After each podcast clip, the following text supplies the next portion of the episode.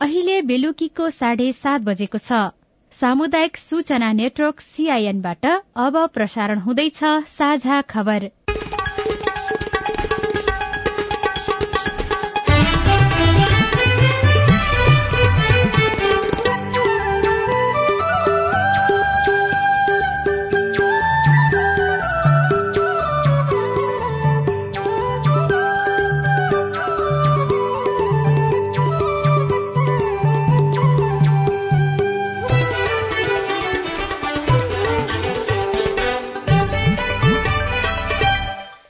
सीआईएनको साझा खबरबाट सोभिता रिसालको नमस्कार। साझा खबर देशभरिका सामुदायिक radio CIN Khabar dot com र मोबाइल एप सीआईएनमा पनि सुन्न सकिन्छ।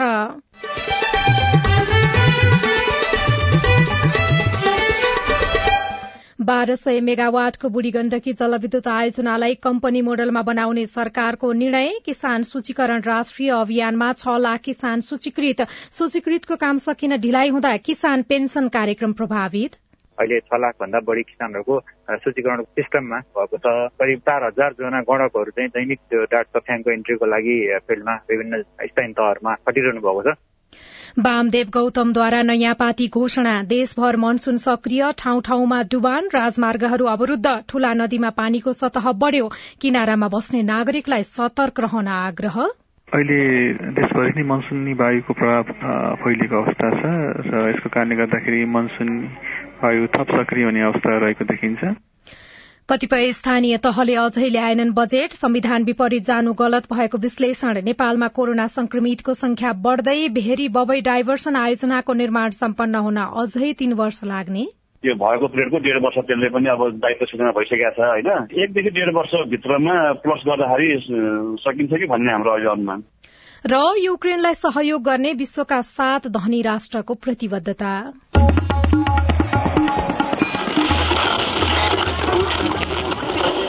सयौं रेडियो। हजारौं रेडियो कर्मी र करोड़ौं नेपालीको माझमा यो हो सामुदायिक सूचना नेटवर्क सीआईएन आजभन्दा चालिस वर्ष अघिसम्म पनि नेपालले धान निर्यात गर्ने गरेको थियो जसको लागि छुट्टै कम्पनी नै खोलिएको थियो तर अहिले वार्षिक तीस अर्ब बढ़ीको चामल मात्रै विदेशबाट ल्याउनु पर्ने बाध्यता छ। राम्रो खेती हुने जमीनमा घरहरू बन्न थालेको छ जमीन बाँझै छोडेर वैदेशिक रोजगारीमा जाने युवाहरू बढ़िरहेका छन् जसका कारण खाद्यान्नमा परनिर्भरता बढ़दै गएको छ। तीनै तहको सरकारले कृषिमा युवाहरूलाई थप आकर्षित गर्ने कार्यक्रम नल्याएसम्म यो अवस्थामा परिवर्तन आउने छैन। अब खबर सरकारले बाह्र सय मेगावाटको बुढी गण्डकी जलविद्युत आयोजनालाई कम्पनी मोडलमा लैजाने निर्णय गरेको छ। आज बसेको मन्त्री परिषद बैठकले ऊर्जा जलस्रोत तथा सिंचाई मन्त्रालयले पब्लिक कम्पनी स्थापना गरेर स्वदेशी लगानीमा बनाउने गरी गरेको प्रस्ताव पारित गरेको हो। प्रधानमन्त्री तथा मन्त्री परिषदको कार्यालय स्रोतका अनुसार ऊर्जा मन्त्रालयको प्रस्ताव अनुसार छुट्टै कम्पनी खोल्ने र त्यसै मार्फत आयोजना निर्माणको काम अघि बढ़ाउने निर्णय भएको छ। दुई हजार चैत चौविसमा बसेको मन्त्री परिषद बैठकले ऊर्जा मन्त्रालयको प्रस्ताव अनुसार बुढी गण्डकी आयोजनाबाट चाइना गेजुवा वाटर एण्ड पावर ग्रुपलाई विदा गर्ने र स्वदेशी लगानीमै बनाउने निर्णय गरेको थियो। चिनिया कम्पनीसँग वार्ता गरेर परियोजना अघि बढ़ाउने गरी भएको निर्णय अनुसार काम हुन नसकेपछि स्वदेशी लगानीमा अघि बढ़ाउने गरी निर्णय भएको थियो। यसरी स्वदेशी लगानीमा आयोजना निर्माण गर्ने निर्णय हुनु सकारात्मक भए पनि चुनौती पनि उत्तिकै रहेको ऊर्जा विज्ञ हरिराम कोइरालाले सीआईएनसँग बताउनुभयो। गभर्मेन्टको ओनरसिपमा स्वदेशी पुँजी परिचालन गरेर अब बाह्र सय मेगावाट जलविद्युत आयोजना अब विद्युत निकाल्न पाउँदा त राम्रै पक्ष हो ठिक छ। मोडालिटीको हकमा जुन कम्पनीबाट काम गर्ने भनेको छ त्यो पनि एउटा मोडालिटी चाहिँ भयो। कति इफेक्टिभ होला के होला भन्ने कुरा चाहिँ अब हिजोको हिजोका दिनमा चाहिँ विकास समिति ऐन दुई हजार तेह्र अन्तर्गत समितिहरू होइन गठन भएर भएका थिए। अब अहिले आएर पब्लिक प्राइभेट कम्पनी अब यसलाई चाहिँ अलिक गियर अप गरेर काम गर्न सके। राम्रै हो यो स्वागत योग्य कुरा मान्नुपर्छ। स्वदेशी लगानीमै कम्पनी खोलेर यो बुढी गण्डकी जलविद्युत आयोजनालाई अगाडि बढाउँदाखेरि कस्तो खालको चुनौतीको चाहिँ सामना गर्नुपर्ने अवस्था आउन सक्छ? अब च्यालेन्जेसहरू के के छ भन्ने कुरा चाहिँ एकै वर्ष दुवै वर्ष तिनै वर्षमा अर्थ सङ्कलन गर्न जरुरी छैन। करिब करिब आठदेखि दस वर्ष लाग्छ बनाउनको लागि। त्यो भित्र चाहिँ म्यानेजमेन्टकै च्यालेन्ज हो कि? व्यवस्थापकीय पक्षकै च्यालेन्ज हो नेपालीहरूलाई। ठुला आयोजनाहरू गरेका धेरै अनुभवी मान्छेहरू छैन। त्यसले गर्दाखेरि एउटा जनशक्तिको पनि स्किल म्यान पावरहरूको नि च्यालेन्ज हुन सक्छ केही समय बिस्तारै बिस्तारै लिएर जानु पर्यो वृद्धि गर्दै जानु पर्यो भने ह्युमन रिसोर्सेसको कुरा भन्ने देख्छु मैले। सरकारले आगामी आर्थिक वर्ष दुई हजार उना अस्सी अस्सीबाट आयोजनाका लागि लगानी जुटाएर निर्माण थाल्ने योजना ल्याएको छ। राष्ट्रिय गौरवको आयोजना अन्तर्गत रहेको भेरी बबई डाइभर्सन आयोजनाको निर्माण सम्पन्न गर्न अझै तीन वर्ष लाग्ने भएको छ। सरकारले आउँदो आर्थिक वर्ष दुई हजार उना अस्सी अस्सीमा आयोजना निर्माण सम्पन्न गर्ने लक्ष्य राखेको भए पनि आयोजना निर्माणमा ढिलाइ भएको छ। भेरी बबई डाइभर्सन आयोजनाको भौतिक प्रगति हालसम्म छप्पन्न प्रतिशत मात्रै सकिएकाले निर्माण सम्पन्न हुन अझै तीन वर्ष लाग्ने आयोजनाका सूचना अधिकारी लेखनाथ सुवेदीले सीआईएनलाई जानकारी दिनुभयो। कतिपय टेन्डरहरू अझै पनि लाग्न बाँकी छ अनि भर्खर लागेको टेन्डरहरूलाई हामीले तिन वर्ष दिइसकेका छौँ भनेको त्यसले पनि एक डेढ वर्ष चाहिँ त्यो भएको पिरियडको डेढ वर्ष त्यसले पनि अब दायित्व सूचना भइसकेका छ होइन? अनि एउटा इएम पार्टको टेन्डरको प्रक्रियामा हामी अहिले छौँ सायद यो असारभित्रै हामी एग्रिमेन्ट गर्ने अवस्थामा छौँ अब त्यो नर्मल जाँदाखेरि भनेपछि त्यसले पनि फेरि सर्टेन म्याथ खोज्छ भनेपछि त्यो अबको करिब करिब डेढ वर्ष अलिक पुग्न पुग यसको पुरानो म्याद होइन? अब यो विभिन्न कारणले गर्दाखेरि हामीलाई डिस्टर्ब भएको छ नि त गत सालदेखि लिएर कोरोना आदि कारणले गर्दा त्यसले गर्दाखेरि एकदेखि डेढ वर्ष भित्रमा प्लस गर्दाखेरि सकिन्छ कि भन्ने हाम्रो अहिले अनुमान आर्थिक वर्ष दुई हजार उना अस्सी अस्सीसम्म भेरी नदीबाट चालिस घन मिटर प्रति सेकेण्ड पानी बबई नदीमा स्थानान्तरण गर्ने तथा यसबाट छयालिस दशमलव आठ मेगावाट बिजुली निकाल्ने लक्ष्य राखिएको छ। यस्तै आयोजना मार्फत बर्दिया र बाँकेका करिब एकाउन्न हजार हेक्टर जमीनमा बाह्र महिना सिंचाई सुविधा उपलब्ध गराउने लक्ष्य राखिएको छ। आयोजना सम्पन्न भए बाह्रै महिना सिंचाई उपलब्धता हुने र कृषि उत्पादन बढ़ाउन सकिने अपेक्षा गरिएको छ। तर निर्माणमा भइरहेको ढिलाइका कारण किसानहरू लाभान्वित हुन सकेका छैनन्। किसान सूचीकरण राष्ट्रिय अभियान शुरूआत भएको करिब डेढ़ वर्षमा छ लाख किसान सूचीकृत भएका छन्। सरकारबाट उपलब्ध हुने सेवा सुविधा वास्तविक किसानले मात्रै पाउन् भन्ने उद्देश्यले दुई हजार सतहत्तर फागुन दुई गतेबाट शुरू भएको किसान सूचीकरण अभियानमा हालसम्म छ लाख किसान सूचीकृत भएका कृषि तथा पशुपन्छी विकास मन्त्रालयले जनाएको छ। साथै प्रदेशमा सञ्चालन भइरहेको किसान सूचीकरण प्रणाली सबै स्थानीय तह मार्फत सञ्चालन भइरहेको छ। सूचीकरणको काम सक्ने गरी काम गरिरहेको कृषि मन्त्रालयका प्रवक्ता प्रकाश सञ्जेलले सीआईएनसँग बताउनुभयो। परिचय पत्र भन्दा अगाडि अब किसान सूचीकरणको विषय हुन्छ। त्यस यो किसान सूचीकरणको लागि हाम्रो गत आर्थिक वर्षबाट सुरु भएको यो वर्ष चाहिँ अलिकति सघन रूपमा यो कार्यक्रम अगाडि बढिरहेको छ। अहिले छ लाखभन्दा बढी किसानहरूको सूचीकरण सिस्टममा भएको छ। अहिले पनि करिब चार हजारजना गणकहरू चाहिँ दैनिक त्यो डाटा तथ्याङ्क इन्ट्रीको लागि फिल्डमा विभिन्न स्थानीय तहहरूमा खटिरहनु भएको छ। त्यस कारणले गर्दाखेरि चाहिँ अहिले अब हाम्रो यो अभियान नै सोही रूपमा अगाडि बढिरहेको छ। यो चाहिँ अब हाम्रो आगामी आर्थिक वर्षमा जुन हाम्रो किसान पेन्सनको विषय बजेट वक्तव्य उल्लेख भएको छ त्यसको लागि चाहिँ एउटा पूर्व शर्त हो। त्यस कारणले पनि यो किसान सूचीकरण कार्यक्रम अभियानको रूपमा अगाडि बढाइरहेको छ। दैनिक दुई तीन हजारजना किसानको सूचीकरण भइरहेछ। समयमा नै किसानको सूचीकरण नसकिँदा किसान पेन्सन कार्यक्रम भने लम्बिरहेको छ। सन् दुई हजार एघारमा भएको राष्ट्रिय कृषि गणना अनुसार नेपालमा बत्तीस लाख परिवार कृषि पेसामा आबद्ध छन्। सरकारलाई अबको एक वर्षभित्रै सबै किसानको सूचीकरण गर्न चुनौती रहेको छ। देशभर मौसमी प्रणाली सक्रिय भएको छ जसका कारण देशका विभिन्न स्थानमा पानी परेको छ। निरन्तरको पानीले ठाउँ ठाउँमा बाढ़ी आएको छ भने जनजीवन प्रभावित बनेको छ। ठूला नदीमा पानीको सतह बढ़िरहेको छ। साना तथा खहरे खोलाहरूमा पनि बाढ़ी आउने खतरा रहेको छ। निरन्तर हल्कादेखि मध्यम खालको पानी पर्ने क्रम पर्सीसम्म नै रहने मौसमविदहरूले बताएका छन्। सीआईएनसँग कुराकानी गर्दै वरिष्ठ मौसमविद राजु प्रधानाङ्गले पर्सीबाट भने यो प्रणालीमा सुधार आउने जानकारी दिनुभयो। अहिले देशभरि नै मनसुनी वायुको प्रभाव फैलिएको अवस्था छ र यसको कारणले गर्दाखेरि मनसुन वायु थप सक्रिय हुने अवस्था रहेको देखिन्छ र विशेष गरी आज रातिबाट बुधबारसम्म देशका अधिकांश भूभागहरूमा वर्षा हुने र प्रदेश नम्बर एक मध्य प्रदेश बागमती गण्डकी र लुम्बिनी प्रदेशका धेरै स्थानहरूमा मध्यम वर्षा हुने साथसाथै तिनै प्रदेशहरूको थोरै स्थानहरूमा भारीदेखि धेरै भारी वर्षाको पनि सम्भावना रहेको देखिएको छ। सुदूरपश्चिमका अधिकांश भूभागहरूमा हल्कादेखि मध्यम वर्षा हुने र कर्णाली प्रदेशका स्थानहरूमा पनि हल्कादेखि मध्यम वर्षा हुने सम्भावना रहेको देखिन्छ।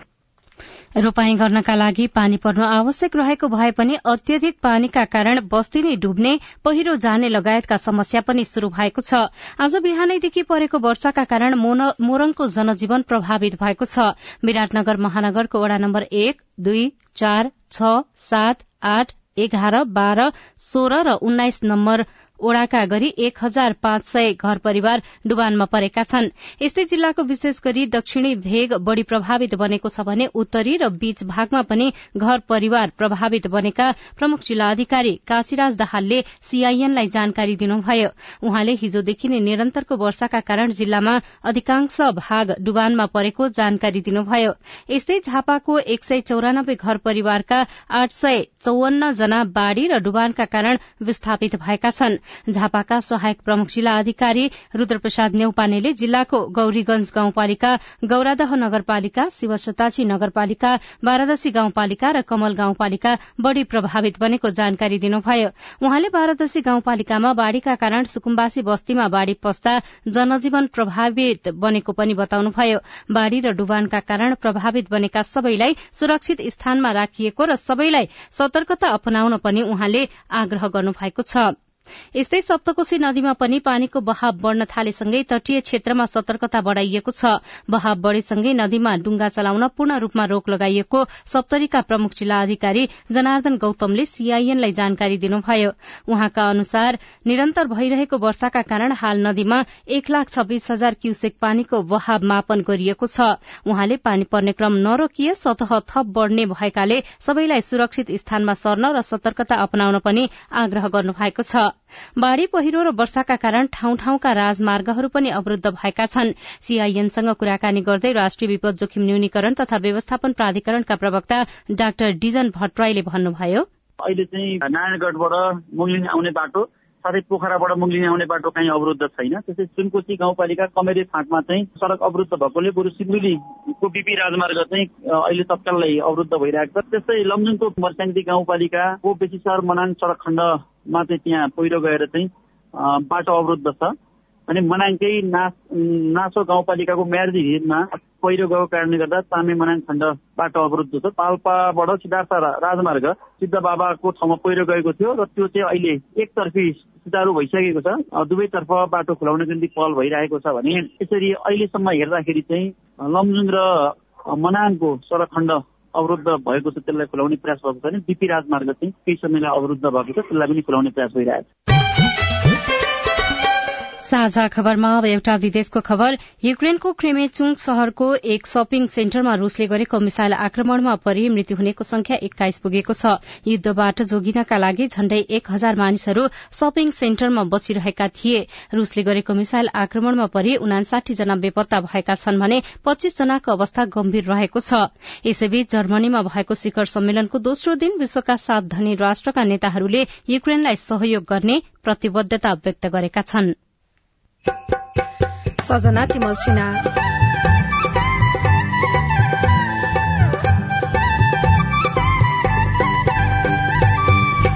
कतिपय स्थानीय तहले अझै ल्याएनन् बजेट। तयारी गर्नलाई अलिक समय पुगेन। हामी जसरी पनि असार मसान्तसम्म गर्ने गरी तयारी गर्छौं तर दस गते चाहिँ पेश गर्न सकिएन भन्ने पनि केही गाउँपालिकाहरू हुनुहुन्छ। समयमा नै बजेट नल्याउने मध्ये मध्य प्रदेशका धेरै रिपोर्ट। काठमाण्डु उपत्यकामा हैजाको जोखिम पिउने पानी शुद्धिकरण गर्ने तरिका लगायतका सामग्री बाँकी नै छ। सीआईएनको साझा खबर सुन्दै गर्नुहोला। बाहिरी जिल्लाबाट पनि मतदाता नामावलीमा नाम दर्ता हुने सम्बन्धी निर्वाचन आयोगको अनुरोध। आगामी प्रतिनिधि सभा तथा प्रदेश सभा सदस्य निर्वाचनलाई दृष्टिगत गरी आयोगले यही दुई हजार उनासी साल असार एक गतेदेखि मतदाता नामावली संकलन तथा अध्यावधि कार्यक्रम सञ्चालन गरिरहेको छ। यस कार्यक्रम अन्तर्गत पेसा व्यवसायको कारणले कुनै एक जिल्लामा बसोबास गरिरहेको तर आफ्नो स्थायी ठेगाना अर्को जिल्लामा रहेको भए त्यस्तो व्यक्तिले नाम दर्ताको लागि नागरिकता प्रमाणपत्र सहित आफू रहेको जिल्लाको निर्वाचन कार्यालयमा निवेदन दिएमा त्यस्तो मतदाताको नाम निजको स्थायी ठेगानामा रहने गरी बाहिरी जिल्ला मतदाता दर्ता कार्यक्रम सञ्चालन भइरहेको बेहोरा आयोग सम्बन्धित सबैमा अनुरोध गर्दछ। निर्वाचन आयोग नेपाल। सामाजिक रूपान्तरणका लागि यो हो सामुदायिक सूचना नेटवर्क सीआईएन तपाई सामुदायिक सूचना नेटवर्क सीआईएनले तयार पारेको साझा खबर सुन्दै हुनुहुन्छ। वामदेव गौतमले नयाँ राजनीतिक दल निर्माण गर्नुभएको छ। गौतमले आज दिउँसो काठमाण्डुमा पत्रकार सम्मेलन गरेर नयाँ राजनीतिक दल निर्माण गरेको घोषणा गर्नुभयो।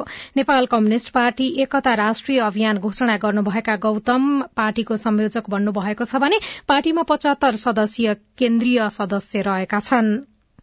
असार तेइसका लागि पुनः मतदान तोकिएको बाजुराको बुढ़ीगंगा नगरपालिकामा तीस वैशाखमा नै भएको मतदानको मतगणना गर्न सर्वोच्च अदालतले अस्वीकार गरेको छ। निर्वाचन आयोगले बुढ़ीगंगामा तीस वैशाखको मतदान रद्द गरी तेइस असारमा पुनः मतदान गर्ने निर्णय गरिसकेको छ। तर बुढ़ीगंगाका मतदाता दलबहादुर सावदले यसअघि मतदान भएको मतपेटिकाबाट मतगणना गर्न माग गर्दै सर्वोच्च अदालतमा रिट दायर गराउनु भएको थियो। आज कायम मुकायम प्रधान न्यायाधीश दीपक कुमार कार्की र न्यायाधीश न्यायाधीश सुषमा लता माथेमाको संयुक्त इजलासले यसअघिकै मतदानको मतगणना गर्ने गरी अन्तरिम आदेश दिन अस्वीकार गरेको हो। सर्वोच्चको यो निर्णयसँगै निर्वाचन आयोगलाई तेइस असारमा बुढ़ीगंगामा पुनः मतदान गर्न बाटो खुलेको छ। नेपालमा कोरोनाका सक्रिय संक्रमितको संख्या दुई सय नागेको छ। एक महिना अघि नब्बेमा झरेको सक्रिय संक्रमितको संख्या पछिल्लो समय निरन्तर उकालो लाग्दै गएको छ।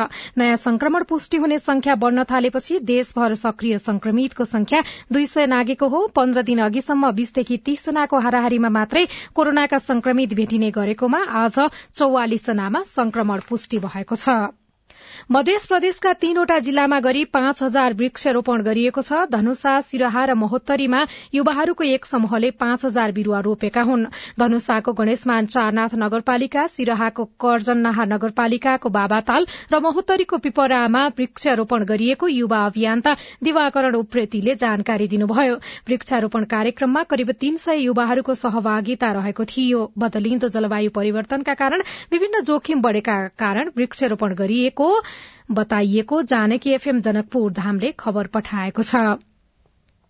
संवैधानिक व्यवस्था अनुसार स्थानीय तहहरूले असार दशभित्रै नयाँ आर्थिक वर्षका लागि बजेट ल्याइसक्नुपर्छ तर बितेको पाँच वर्षको तथ्याङ्क हेर्ने हो भने मधेसका झण्डै दुई दर्जन पालिकाले समयमा नै बजेट ल्याउने गरेका छैनन्।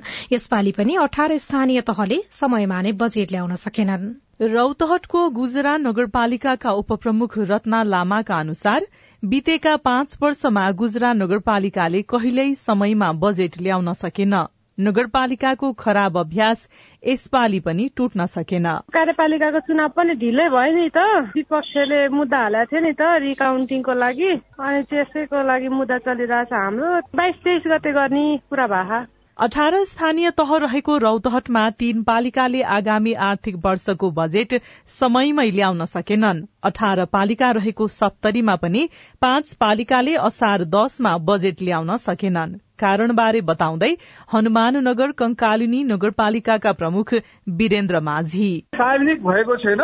धेरै कुरा हाम्रो भइसकेको छ। पन्ध्र गते हाम्रो निर्णय भएको छ सार्वजनिक गर्नको लागि। बजेट सिटिङ भइसकेको छ।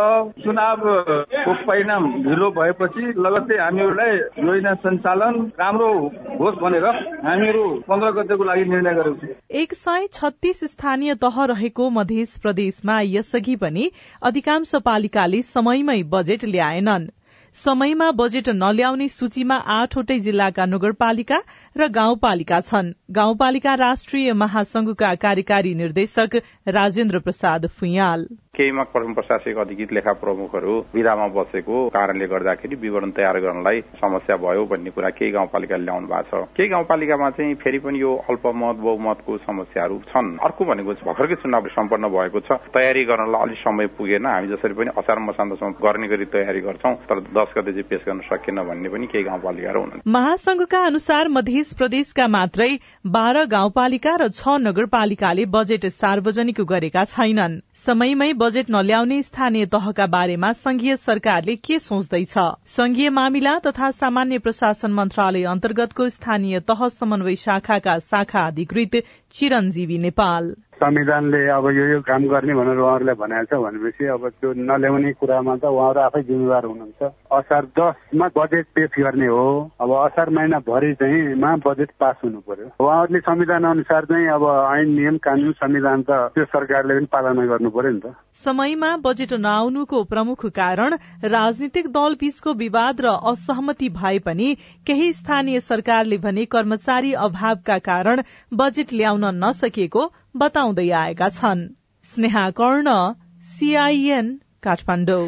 साझा खबरमा अब हेलो सीआईएन उषा तामाङबाट। नवलपरासी जिल्ला देवपिङ नगरपालिका वार्ड नम्बर दुईबाट काशी प्रसाद खनाल बोल्दैछु। सामाजिक सुरक्षा कोष अन्तर्गत नेपाल सरकारका चाहिँ कर्मचारी र ब्याङ्कर्सहरूलाई चाहिँ त्यसमा सहभागी नगराउनु प्राइभेट सेक्टरमा काम गर्ने मजदुरको लागि मात्रै चाहिँ त्यसमा जानै पर्ने बाध्यता गराउनु यो के कति अन्याय कुरा हो कि न्यायिक कुरा हो? जवाफमा सामाजिक सुरक्षा कोषका प्रवक्ता विवेक पन्थी भन्नुहुन्छ। ऐनको तथा एकाउन्नदेखि सन्ताउन्नसम्म हामी हेऱ्यौँ भने उपदान बापत जमाउनु पर्ने सञ्चय कोष बापत जमाउनु पर्ने स्वास्थ्य बिमा बापत जमाउनु पर्ने दुर्घटनाको बिमा जमाउने पैसाहरू रकमहरू सामाजिक सुरक्षा कोषमा जम्मा गर्नुपर्ने भनेर उल्लेख छ। अहिले जहाँ ब्याङ्क तथा वित्तीय संस्थाका लागि शैक्षिक रूपमा छ भने अन्य क्षेत्रका लागि सामाजिक सुरक्षा कोषले ल्याएका योजनाहरूमा आबद्ध हुनु अनिवार्य विषय हो। जन्मेको छब्बीस वर्षसम्म नागरिकताविहीन बनेका एकजना नागरिक बाराबाट प्रश्न गर्नुहुन्छ। मेरो नाम सुन्देश्वर बाट हो म बारा जिल्लाबाट बोलिरहेछु। मेरो आमा नगिता चाहिँ टोलीमा बनाएको हो। आमाको नामबाट नगिता बन्छ बाँध्दैन खुलेको छ कि छैन जानकारी आइदिनु तपाईँको प्रश्नको जवाफ दिँदै हुनुहुन्छ बारा जिल्लाका प्रमुख जिल्लाधिकारी कृष्ण बहादुर कटवाल। सबै डिटेलमा कागज पत्रमा हेरेर हामी ठ्याक्कै के भन्न सक्दैनौँ होइन? यदि नेपालको कानूनले अथवा चाहिँ नागरिकता ऐनले पर्याप्त प्रमाण छ भने नागरिकता नपाउने भन्ने कुरै हुँदैन। तर आमाबाट मात्रै भन्दा बाउ विदेशी र छ भन्ने त पाउने कुरा हुँदैन। त्यो कागज पत्र चाहिँ उहाँले देखाउनु भयो भने म सिरियसली उहाँलाई मिल्छ मिल्दैन भनेको कानुनसम्म तरिकाले मिल्ने भए उहाँलाई सहज तरिकाले हामीले हात दिन्छौँ नमिल्ने भए यो मिल्दैन भनिदिन्छौँ हामीले उहाँलाई। मलाई नै भेट्न भन्नुहोस् सिरियसले बोलाएर आएको भनेपछि जानिदिन्छ अनि म चाहिँ डिटेलमा के हेरिदिन्छु। हरिकुमार कटोल खानापा सङ्खुवा सभा म थाई शिक्षक निवृत्ति भरण पेन्सनमा दुई हजार अठहत्तर साल फागुन अठार गतेदेखि बसेको। दुई हजार अठहत्तर सालको ड्रेस भत्ता पाउँछु कि पाउँदिन सम्बन्धित ठाउँमा सोधिदिनु होला। तपाईँको जिज्ञासालाई सम्बोधन गर्दै हुनुहुन्छ खादबारी नगरपालिका शिक्षा शाखा अधिकृत दीपक मणि घिमिरे दुई हजार अठहत्तर सालको फागुनमा अवकाश हुने सरले पोषक भत्ता पाउनुहुन्न। पोषक भत्ताका लागि हामीलाई प्राविधिक शिक्षा विभागबाट चाहिँ जारी भएको कार्यक्रम कार्यान्वयन निर्देशिकामा आगामी आर्थिक वर्षमा अथवा आगामी शैक्षिक सत्रमा काम गर्ने शिक्षकहरूका लागि पोषक भत्ता दोहोरो नपर्ने गरी उपलब्ध गराउने भन्ने कानुनी निर्देशन छ। त्यसो भएकोले शैक्षिक सत्र भन्दा माथिल्लो समय काम गर्ने शिक्षकहरूले मात्रै यो प्राप्त गर्ने अवसर हुन्छ। तपाई जुनसुकै बेला हाम्रो टेलिफोन नम्बर शून्य एक बान्न साठी छ चार छमा फोन गरेर आफ्नो प्रश्न जिज्ञासा गुनासा तथा प्रतिक्रिया रेकर्ड गर्न सक्नुहुन्छ। तपाई सामुदायिक सूचना नेटवर्क सीआईएनले काठमाण्डुमा तयार पारेको साझा खबर सुन्दै हुनुहुन्छ। काठमाण्डुमा समुदाय स्तरमा नै फैलियो हैजा। जाडको पानी ल्याएर उमालेर अरू त खासै केही गरेको छैन उहाँले गर्नुपर्ने चाहिँ के हो? बरु सिकाइदिनु होला। उमालेको पानी नै राम्रो हुन्छ किटाणुहरू मर्छन्। नागरिक स्तरमा सचेतनाको आवश्यकता रिपोर्ट हैजा तथा सरुवा रोग लगाउने मुख्य कारण पानी पानी शुद्धिकरण गर्ने उपायहरू के के हुन्छन्? लगायतका विशेष सामग्री बाँकी नै छन्।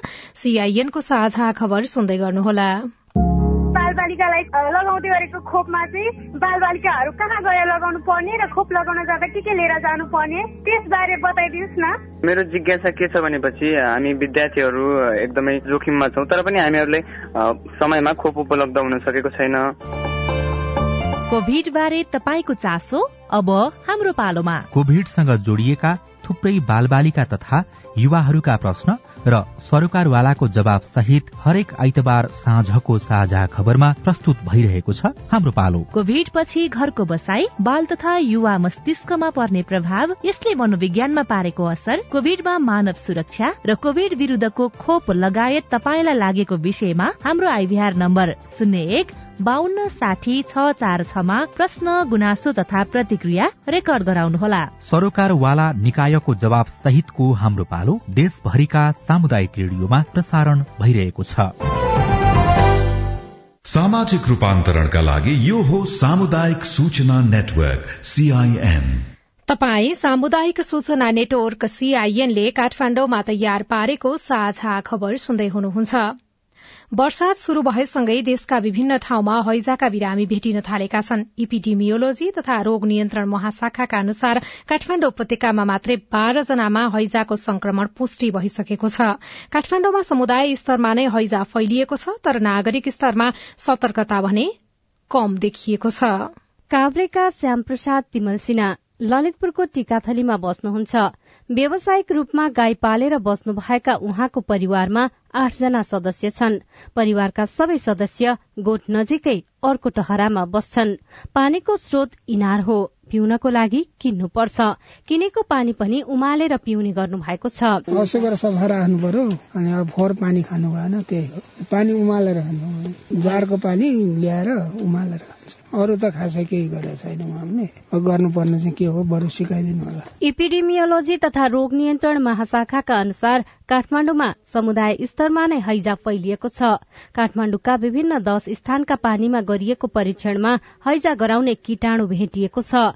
फोहोर र प्रदूषित पानी हैजाको मुख्य कारक भएकाले सरसफाईमा ध्यान दिन र पानी उमालेर मात्रै पिउन डाक्टरहरूले सुझाव दिएका छन्। तर काठमाण्डु उपत्यकामा बसोबास गर्ने सबै नागरिक हैजाको बारेमा सतर्क र गम्भीर छैनन्। पवित्र भट्टराई घरभित्रको साफसफाई बाहिरको साफसफाई भाँडा कुडी एकदम ध्यान दिनुपर्छ त्यसको लागि। पानी एकदम राम्रो ल्याउनुपर्छ उमालेर खानुपर्छ छान्नुपर्छ। उमालेको पानी नै राम्रो हुन्छ किटाणुहरू मर्छन्। खाना पनि बाहिरको म पटक्कै खाँदैन अरूलाई पनि नखाऊ भन्छु के? हैजा पुष्टि भएका बिरामीले प्रयोग गर्ने पानी नै दूषित भएको पाइएको छ। संसदीय समितिले पनि काठमाण्डुमा फैलिएको हैजा नियन्त्रणमा गम्भीर बन्न सरकारलाई ध्यान आकर्षण गराएका छन्। जिल्ला जनस्वास्थ्य कार्यालय काठमाण्डुले प्रमुख वसन्त अधिकारीको संयोजकत्वमा छ सदस्यीय छानबिन टोली गठन गरेको छ। स्वास्थ्य तथा जनसंख्या मन्त्रालयका सहप्रवक्ता डाक्टर समीर कुमार अधिकारी यसको नियन्त्रणको लागि सरकारले काम गरिरहेको दावी गर्नुहुन्छ। अहिले पुष्टि भएको संक्रमणका सन्दर्भमा स्वास्थ्य मन्त्रालयले सम्बन्धित सबै निकायहरूसँग समन्वय गरेर आवश्यक कामहरू गरिरहेको छ निगरानी गरिरहेको छ उपचार व्यवस्थाको प्रबन्ध गरिरहेको छ। तर संक्रमण हुन नदिनु सबैभन्दा ठूलो बुद्धिमानी हुन्छ। हैजाका बिरामी बढ़न थालेपछि संक्रमण नियन्त्रणका लागि शंकास्पद बिरामीमा निगरानी र नमूना परीक्षण बढ़ाइएको छ। तर पानीका ट्याङ्की पानी वितरण गर्ने कम्पनीहरूको परीक्षण र अनुगमन तथा सरसफाईका बारेमा नागरिकलाई दिने चेतनामूलक अभियान भने बढ़ाउनु पर्ने देखिएको छ। सजना तिमल सीआईएन काठमाडौँ। काठमाण्डु उपत्यकामा मात्रै होइन वर्षाको कारण देशभरिकै पानीको मुहान दूषित बनेको छ। पानीका कारण लाग्ने हैजा आउँ झाडा पखाला जस्ता सरूवा रोगका बिरामी देशभरि नै बढ़िरहेका छन्। यस्ता सरूवा रोगको मुख्य कारण पानी नै रहेको चिकित्सकहरू बताउँछन्। तर पानी उमालेर वा शुद्धिकरण गरेर पिउने बारेमा धेरैलाई जानकारी छैन। पानीलाई कसरी शुद्ध बनाउन सकिएला? रामेछापका अञ्जली खड्का काठमाण्डुको नारायण हिटीमा बस्न थाल्नु भएको पाँच वर्ष भयो। चारजनाको सानो परिवार छ। पिउनका लागि दैनिक दस लिटर पानी भए पुग्छ। सुन्दरी जलको पानी भान्सामै आइपुग्छ। तर धारामा आउने पानी सफा भने आउँदैन। जलको आउँछ। अब धारामा खाने पानी अब बर्खा लाइसिँदै धमिलो आइहाल्छ। अब हिउँदो लाइसिँदै सङ्ले पानी काभ्रेका उमा विष्ट दैनिक तीन लिटर भन्दा बढ़ी पानी पिउनुहुन्छ। जारको पानी पिउने गर्नु भएको उहाँले पानी उमाल्ने वा फिल्टर गर्ने गर्नु भएको छैन। परिवार पनि धेरै छैनन् अनि म चाहिँ त्यही बोतलकै खान्छु। उमालेर फिल्टर गरेर खानुहुन्न? उमालेर चाहिँ पानी कहिले नि खानु? केही हाल्दैन म ठाडै चिसो पानी खान्छु। बर्खाको समयमा सरुवा रोग धेरै लाग्छ। यसको मुख्य कारण अशुद्ध पानी नै हो।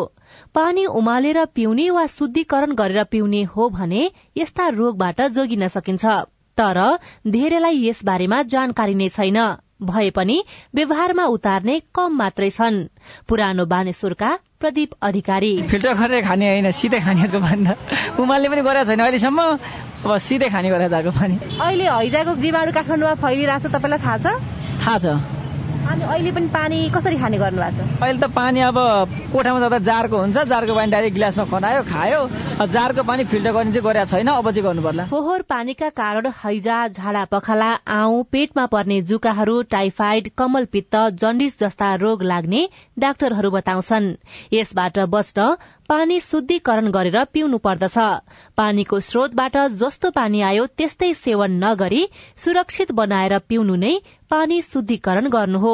उमालेर फिल्टर गरेर फिल्टर गरेपछि पनि पियुस वाटर गार्ड जस्ता पानी शुद्ध बनाउने क्लोरिनको झोल हालेर पानी पिउन योग्य बनाउन सकिन्छ। पानी शुद्धिकरणका उपायका बारेमा जानकारी दिनुहुँदै इपिडिमियोलोजी तथा रोग नियन्त्रण महाशाखाका प्रमुख डाक्टर चुमनलाल दास। उमाल्नु पर्यो भुग्लु भुग्लु पानी उमाल्नु पर्यो। पानी भुग्लु भुग्लु उमालेपछि त्यो कोलेराको किटाणु मर्छ। एक नम्बरमा हामी जुनै पानी पनि उमालेर खायो भने हामी चाहिँ सुनिश्चित हुन्छौ कि किटाणु रहित छ भन्ने कुरा। पानी शुद्धिकरण गर्नका लागि आवश्यक क्लोरिनको झोल युक्त औषधि स्वास्थ्य संस्था वा औषधि पसलहरूमा सजिलै किन्न पाइन्छ। त्यस्ता औषधिलाई पानी राखिएको भाँडामा पानीको मात्रा अनुसार केही थोपा राख्न सकिन्छ। फेरि डाक्टर चुमनलाल दास। दुईटा फर्ममा पाइन्छ बजारमा। एउटा चाहिँ झोल पाउँछ त्यो पियुस भन्ने झोल हुन्छ कति थोपा हाल्ने भनेर त्यहाँ त्यही लेखेको हुन्छ। अर्को चक्की पनि हुन्छ जस्तो जेनरली चक्कीहरू एउटा चक्कीले एक लिटर पानी हुन्छ भने चाहिँ त्यो चाहिँ लेखेकै हुन्छ। सोडिस अर्थात चर्को घाम लागेको स्थानमा पारदर्शी भाँडामा पानी राखी सात घण्टा छोडिदिँदा पनि पानीमा भएका कीटाणुहरू नष्ट हुन सक्छन्। तर यो विधि त्यति प्रभावकारी नभएको विशेषज्ञहरू बताउँछन्। त्यसैले पानी उमालेर खानु नै पानीजन्य रोगबाट जोगिने उत्तम उपाय रहेको डाक्टरहरूको भनाइ छ। सुशीला श्रेष्ठ सीआईएन काठमाडौँ। बाह्र सय मेगावाटको बुढी गण्डकी जलविद्युत आयोजनालाई कम्पनी मोडलमा चलाउने सरकारले निर्णय गरेको छ। स्वदेशी लगानीमा खोल्नु सकारात्मक भए पनि चुनौतीपूर्ण रहेको विज्ञहरूले बताएका छन्। किसान सूचीकरण राष्ट्रिय अभियानमा छ लाख किसान सूचीकृत भएका छन्। सूचीकृतको काम सकिन ढिलाइ हुँदा किसान पेन्सन कार्यक्रम प्रभावित भएको छ। वामदेव गौतमले नयाँ पार्टीको घोषणा गर्नुभएको छ र देशभर मनसून सक्रिय भएर पानी पर्दा ठाउँ ठाउँमा डुबान भएको छ। राजमार्गहरू अवरूद्ध भएका छन्। ठूला नदीमा पानीको सतह बढ़ेको छ। नदीको किनारामा बस्ने नागरिकलाई सतर्क रहन विज्ञहरूले आग्रह गरेका छन्। हवस् त आजलाई साझा खबरको समय सकियो प्राविधिक साथी सुरेन्द्र सिंहलाई धन्यवाद। भोलि असार पन्ध्र गते बिहान छ बजेको साझा खबरमा फेरि भेटौँला। अहिलेलाई सोभितारी साल पनि विदा हुन्छु। नमस्कार शुभरात्री।